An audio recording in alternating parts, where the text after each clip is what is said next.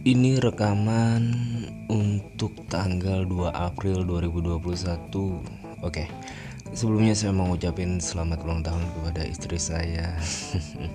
Semoga sehat selalu sukses karirnya dimudahkan persalinannya nanti. Ya wish you all the best lah. Oke Kalian sedang mendengarkan Surung Sinta Podcast bersama Ahmad Dail di sini. Dan kali ini saya mau bahas isu yang paling sering saya tulis saya mau bahas ahi-ahi fuckboy pemburu uhti-uhti karena saya sering banget ngadepin perempuan-perempuan yang cerita soal pengalamannya menjadi korban ahi-ahi fuckboy ini. Ya Nabi emang menganjurkan kalau cari jodoh itu kan yang kalau gak salah baik rupanya baik keturunannya dan paling utama yang baik agamanya. Kita masih gak bisa nerima kalau kenyataannya agama gak cuma milik orang baik. Penilaian kita masih begitu sempit dan dangkal terhadap seseorang dan agamanya. Padahal agama punya berbagai cabang ranahnya sendiri ya.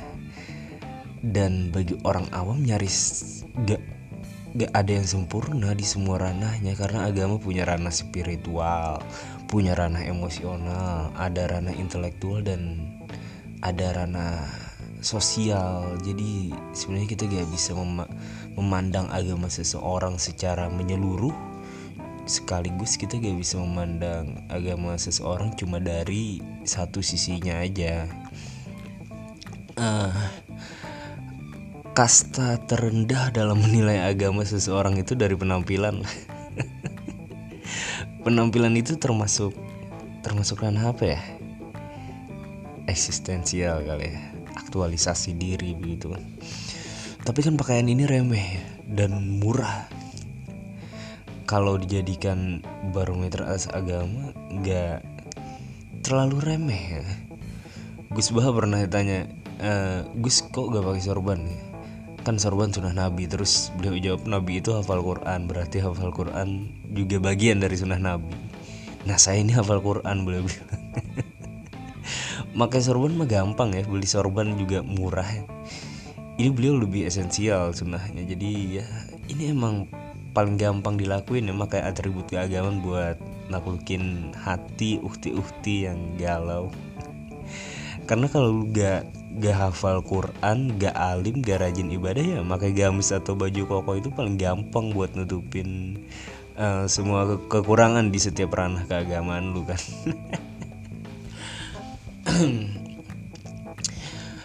uh, karena spiritual orang itu sangat pribadi ya. Gak ada yang tahu gimana spiritual seseorang kecuali orang itu sendiri dan Tuhan. Jadi kita mulai dari ranah intelektualnya aja dulu. Orang alim ini alim yang yang benar-benar alim. Pertama harus kita bedakan dulu orang alim dan orang baik. Yaitu beda ya. Karena saya perhatikan di luar sana banyak perempuan-perempuan berhijab anjir di mobil ya. Ah pos dulu bentar. Nih. Anjir bunyi. Ah napot lagi. Fuck ya udahlah ya. Oke. Uh, sampai mana tadi? Oh ya. Karena saya perhatikan di luar sana banyak perempuan-perempuan berhijab di sekolahnya atau artis hijrah tiba-tiba berhijab gitu. itu dicap alim. Kalau cuma berhijab dicap alim ya pesantren diganti jadi pabrik tekstil aja dah. Bedain dong antara ilmu dan amal gitu kan. Beberapa waktu yang lalu ada kecepatan ya oke okay. oh ya jadi beberapa waktu yang lalu ada berita bunyi orang padahal tagnya tengah malam loh ini oke okay. Jadi beberapa waktu yang lalu ada berita seorang pemimpin pesantren yang mencabuli belasan ya, belasan santriahnya. Pemimpin pesantren loh ini. Anjir, bunyi knalpot lagi, Oke. Okay pemimpin ya ini pemimpin tuh anjir belibet jadi bang Set. oke ini pemimpin pesantren gak cuma orang alim tapi orang yang punya wadah buat mencetak orang-orang alim yang lain. Eh bejat juga ternyata bangsat. Eh, beberapa waktu yang lalu juga ada tuh habis Quran mahasiswa berprestasi udah ceramah ke mana-mana eh jadi pelaku pelecehan ke junior juniornya di kampus minta maaf klarifikasi cuma lewat tulisan tangan di selembar kertas yang difoto dan dibagikan di feed Instagramnya dan gobloknya ya banyak aja cewek yang masih dukung dia dengan dalih Jangan cuma lihat buruknya aja dong. Walau begitu tapi dia hafal Quran. Lah tolol. Emang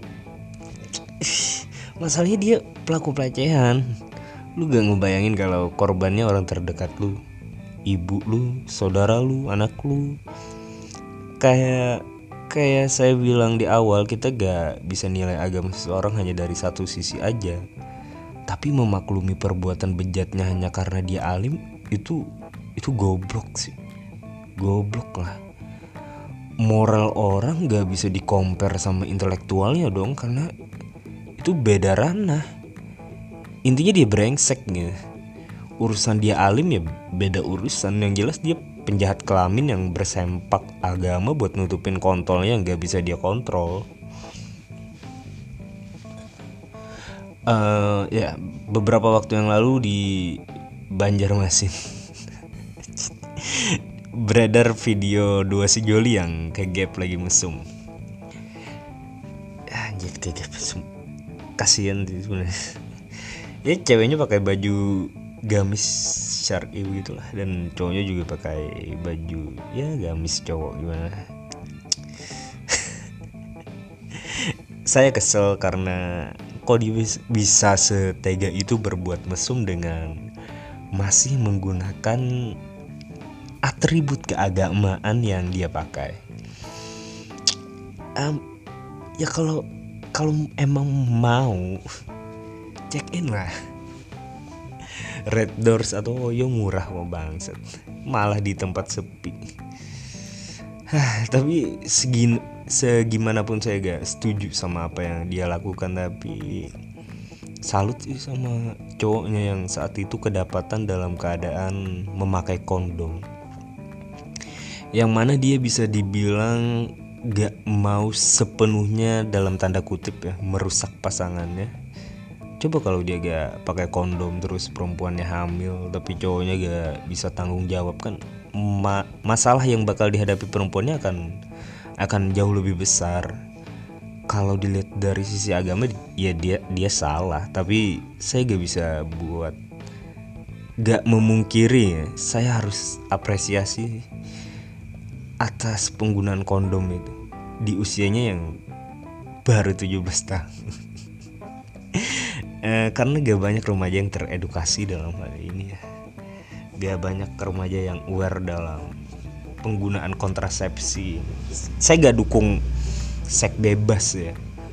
Tapi pun kalau mau seks bebas harus di harus aman lah. Harus aman biar gak merugikan satu sama lain. Oke. Okay. uh, eh, di lain cerita saya kenal sama seseorang yang hmm, dia orang alim. Juga dari kalangan pesantren lah. Kurang lebih sama sama saya latar belakangnya. Santri-santri bandel juga gitu. Uh, bedanya bedanya saya sama dia semua kenakalan nyaris pernah saya lakukan ya kecuali nakal ke cewek. Uh, saya pacaran tapi saya gak berani macam-macam sama cewek karena dulu itu nggak ngerti yang namanya concern atau kesepakatan. Jadi saya selalu punya kekhawatiran uh, takut buat melecehkan perempuan gitu.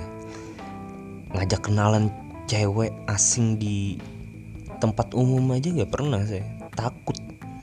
Nah bedanya temen saya itu gak pernah nakal yang macam-macam.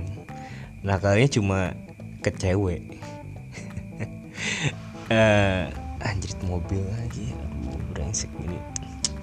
Oke pos dulu lah. Oke udah mati lagi ternyata. Oke. Nah salutnya saya ke teman saya ini dia gak bisa dibilang free sex juga sih. Karena dia punya prinsip gak mau ngerusak perawan. Jadi dia gak mau sama perawan tapi kalau sama janda mau. Anjing. Asal akad dulu. Ya mungkin mungkin kayak kawin kontrak gitu. Lah ya namanya juga orang alim ya. Jadi bisa aja buat ngakal-ngakalin cari. Uh, bahkan katanya pernah ada cewek dari ujung barat Indonesia gitu rela nyamperin dia cuma karena mau ngewe sama dia. Gokil. Ini ini orang alim beneran beneran ya. Dari orang pesantren ceramah-ceramah juga ya jadi ini cuma buat menunjukkan ada loh orang, kayak begini. Ya biar melek lu pada. Uh, bukan hak kita yang menghakimi apa yang dia lakukan. Terlepas benar atau salah ya prinsip-prinsip yang dia pegang saya kira anjir mic jatuh. Uh, ya prinsip-prinsip yang dia pegang saya kira setidaknya be bermartabat lah ada kesepakatan di situ ada menjaga dalam tanda kutip ya uh, formalitas syariat juga adanya rasa bersalah Nah, rasa bersalah ini yang penting. Gak nyari pembenaran dari apa yang jelas-jelas gak bener gitu. kayak kayak di awal tadi lah yang Hafiz Quran jadi pelaku pelecehan terus dimaklumi perbuatannya karena dia hafal Quran. Gak gitu dong konsepnya. Ba banyak ibadah atau ilmu itu bukan untuk nutupin bobroknya akhlak kita, Mestinya kita kedepankan akhlak yang baik untuk nutupin kurangnya ilmu dan amal kita. Jangan kebalik logikanya. Kebaikan dan kebenaran itu dua ranah yang berbeda. Berbuat baik mesti dengan cara yang benar, kata kata si Abdul Qadir Jailani. Jadi kebaikan gak bisa dijadikan pembenaran karena ini dua hal yang beda. Jangan kita bandel atau nakal mengatasnamakan jadi apa adanya, gak munafik ya. Kalau emang gak munafik ya udah. Aku yang salah, aku yang salah itu salah. Jangan ngerasa kebaikan dari jadi apa adanya itu membenarkan kelakuan kita yang menyimpang. Kayak teman saya yang notabene orang alim tadi citranya dia sebagai pendakwah, pemuka agama tapi dia jujur dia sange terus dia juga gak menampik perbuatannya itu tidak bisa dibenarkan. Ya begitu sih. Uh, ya kita harus sadarilah bahwa agama ini bukan hanya milik orang baik aja. Gak gak ada ek, gak ada eksklusivitas dalam agama. Semua orang berhak beragama sesuai kadar dan kemampuannya. Kalau agama hanya untuk orang baik ya apa orang-orang nakal gak boleh sholat? Boleh dong. Nah tapi kemarin ada yang bilang begini lewat DM Instagram saya.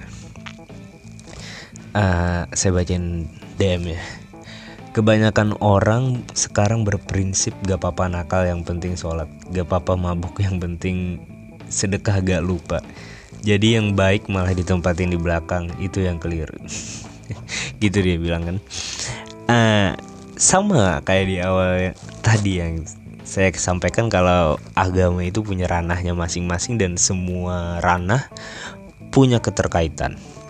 Dalam kasus sholat tapi tetap nakal ini uh, ranah ritual dalam agamanya bagus tapi ranah moral atau sosial yang gak keurus kan?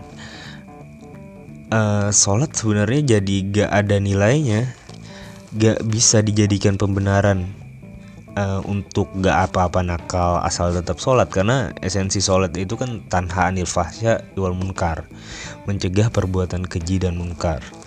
Poinnya di situ ya bukan pada selesai dikerjakannya mengerjakan sholat itu cuma uh, menggugurkan kewajiban tapi meraih nilai sholat itu justru di luar dari uh, di luar dari mengerjakan sholatnya bagaimana perilaku kita setiap hari. Sehingga antara ranah ritual pada agama ini berkesinambungan dengan ranah moral, ranah sosial hingga akhirnya dapat memasuki ranah spiritual begitu kira-kira. Uh, jadi kita harus terima bahwa memang ada seseorang yang agamanya tidak sempurna. Kendati dia alim, dia ahli ibadah. Kalau dia sangean sampai melakukan tindakan pelecehan ya Ya cacat semua dong. Sange itu manusiawi ya. Tapi kontrol terhadap sange itu loh. Kan manusia punya akal Punya hati Dibekali ilmu agama ulah Kalau dia alim. Mestinya kan bentengnya jauh lebih besar lagi ya. Bukan bukan malah agama ini dijadikan sampul cuma buat membungkus birahi biar bisa menggait ukti-ukti ini. Bukan. Pun kalau dia agamis tapi gak bejat kalau dia konservatif ngerepotin juga sih Iya dia agamis dengan pemahaman yang kolot kan sedikit banyak dia pasti patriarki lah. Oke ini kayaknya podcast jadi buat ngomong ke cewek. uh, karena dia ngerasa bahwa dia berperan sebagai imam sehingga merasa lebih superior dari pasangannya lalu bersikap otoriter yang berpotensi membuat hubungan menjadi toksik. Mestinya kalau dia memang agamis ya kan awaluddin marifatullah ya permulaan agama itu mengenal Allah. Jadi kalau dia mengerti fondasi agama bahwa kedudukan Allah sebagai Tuhan dan baik laki-laki maupun perempuan adalah hambanya maka harusnya disadar sih bahwa laki-laki dan perempuan sama-sama ciptaan Tuhan gitu laki-laki bukan bagian dari perempuan dan perempuan bukan bagian dari laki-laki.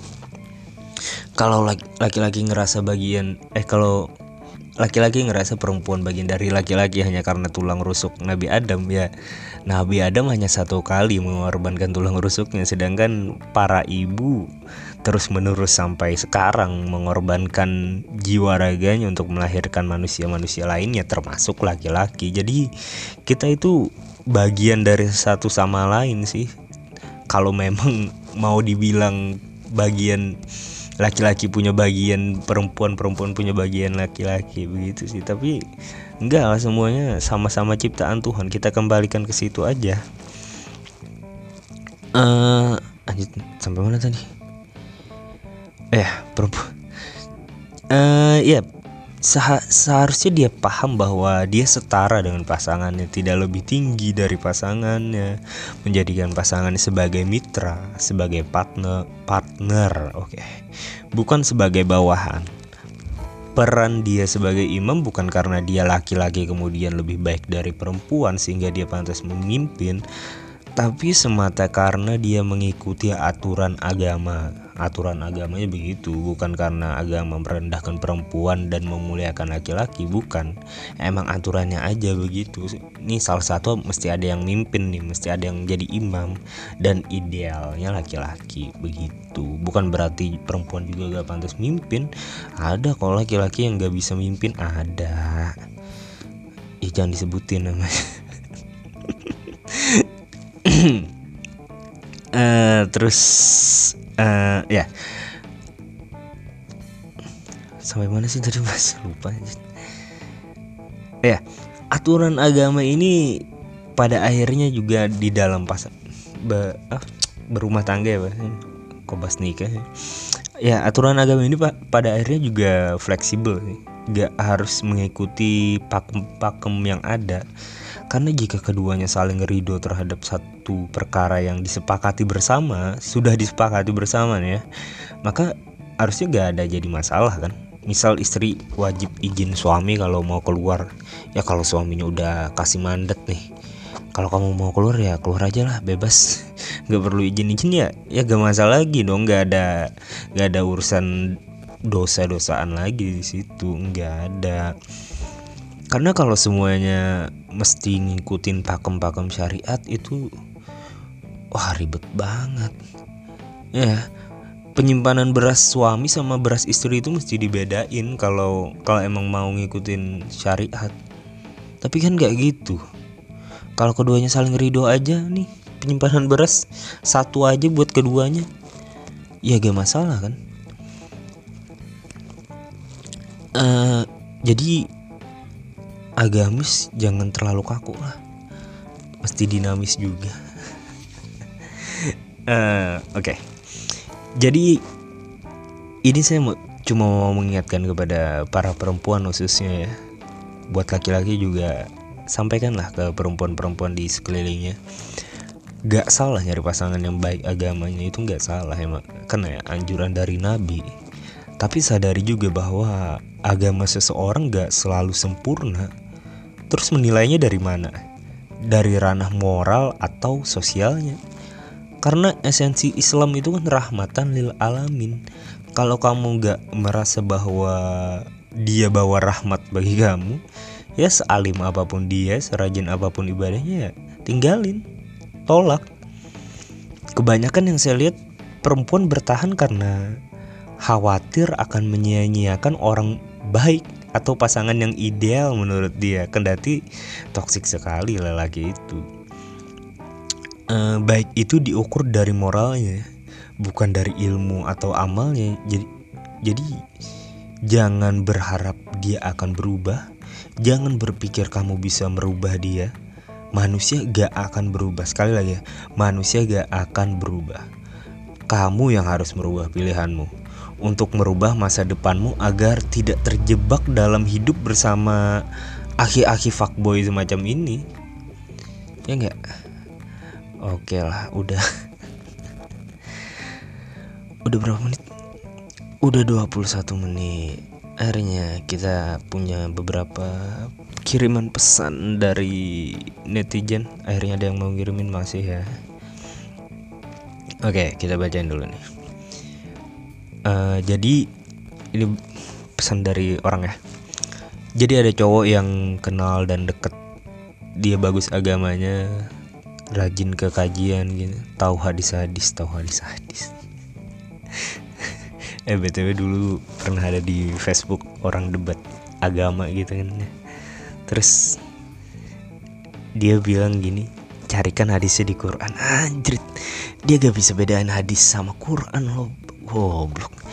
Terus dia lagi yang paling ngotot. Aduh. Ya itulah.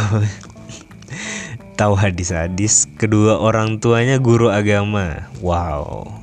Dia juga sering ngasih saran ke teman-teman dengan ilmu agamanya sampai-sampai dia gak boleh bawa temen cewek ke rumah sama orang tuanya. Gak gak boleh bawa temen cewek ke rumah itu sebenarnya udah udah gak udah percuma ya kalau kalau WhatsApp anaknya itu udah kayak asrama cewek. Eh, dia sosok orang yang banyak digemari cewek-cewek. Ya lah tai. Nah waktu dekat di chat udah kelihatan genit. Terus tengah malam minta minta video call dengan kondisi lampu dia mati. Terus tiba-tiba dia mendesah sendiri sambil memilin tete. Anjir. Kok dia yang milin tete karena aku risih otomatiin dong. Coba aja orang tahu dia sebenarnya pasti ilfil. Ya iya lanjut kok dia milin tete ini terus waktu aku sakit modus mijitin kan dia yang tahu hukum-hukumnya harusnya menjauhi itu dong.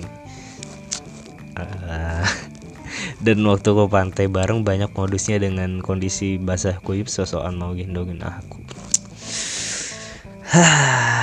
sange sange goblok. Gimana ya? Uh, saya masih gak ngerti sih kenapa dia mesti milih-milih tetenya.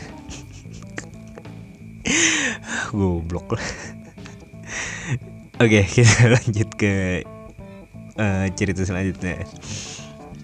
Uh, singkatnya badanku dijarahi uh, wow. Iya di oh dijarahi dijarah mah diambil di dirampas paksa begitu nih penggunaan kata yang salah ya tapi langsung tuh poin begitu loh ceritanya badanku dijarahi sampai ke dalam-dalamnya. Wah, ke mana tuh? Bukan karena aku mau, tapi karena aku dijebak. Bahasanya aku diperkosa dengan keadaan diriku yang tidak ikhlas. Diperkosa dengan keadaan yang tidak ikhlas sebenarnya oke okay. ini ini gak penting tapi harus dibahas dulu uh, konsep per, konsep pemerkosaan itu ya ketika salah satunya dipaksa kalau orang dipaksa ya pasti gak ikhlas gitu. gak gak ada orang yang diperkosa dengan ikhlas diperkosa dengan keadaan diriku yang tidak ikhlas I iyalah intinya dia diperkosa padahal motor goblok padahal setiap ke rumah dia sholat dia pakai baju koko dia rapi gimana sih bang orang-orang yang religius tertariklah hati ibu yang mungkin bisa dapat menantu yang bisa membimbing anaknya ke jalan Tuhan. Mantap. Sudah memikat hati orang tua. Kemudian ibunya dan bibinya tahu kalau dia udah menjarah badanku walaupun dia sangat lihai mengeluarkan spermanya di luar waktu itu. Anjrit. Aku tetap minta pertanggungjawabannya sebagai perempuan yang udah dirusak sama dia. Tapi yang buat aku sakit hati sampai sekarang ibunya dan keluarganya acuh sebab ayahnya gak merestui karena si cowok ini dianggap belum mapan ah jadi ah belum mapan mau nikah bangset dan dia sama sekali gak usaha atas apa yang dia lakuin ke aku. Akhirnya aku menyelesaikan hubungan kita waktu itu karena udah capek harus disidang keluarganya berkali-kali. Padahal dia lakukan itu semua bukan semata-mata mau sama mau tapi aku korban. Sampai akhirnya ibu mengintervensi aku harus sama dia karena perilakunya itu tapi ibu sama sekali gak tahu apa yang dia lakuin baru beberapa hari ini aku jujur sama ibu kalau dia udah kurang ajar tapi yang salahkan ibu aku bukan dia. Anjir. Ah. Tuh kan? Tuh kan? Sering loh nemuin yang kayak gini. Bahkan lebih parah ceritanya. Bukan bukan bermaksud meremehkan masalah dia ya. Tapi banyak gitu yang jadi korban dari cowok-cowok berkedok agamis ini. Malah victim blaming lagi ini aduh goblok sih. Orang-orang yang ya goblok lah. Ya ya intinya hati-hatilah sama orang. Mau dia pakai sorban uh, hafal Quran 30 juz. Hati-hati lah. Karena bukan uh, barometernya bukan itu. Sulit gak tahu sih speechless mah cerita yang ini. Kita ya next aja uh, mau request tentang orang-orang yang bagi nasi tiap Jumat gimana? Sedangkan hari lain mereka gak bagi nasi dengan alasan hari Jumat lebih banyak pahalanya. Padahal kan orang yang di pinggiran jalan itu makannya tidak hari Jumat. Mohon maaf jika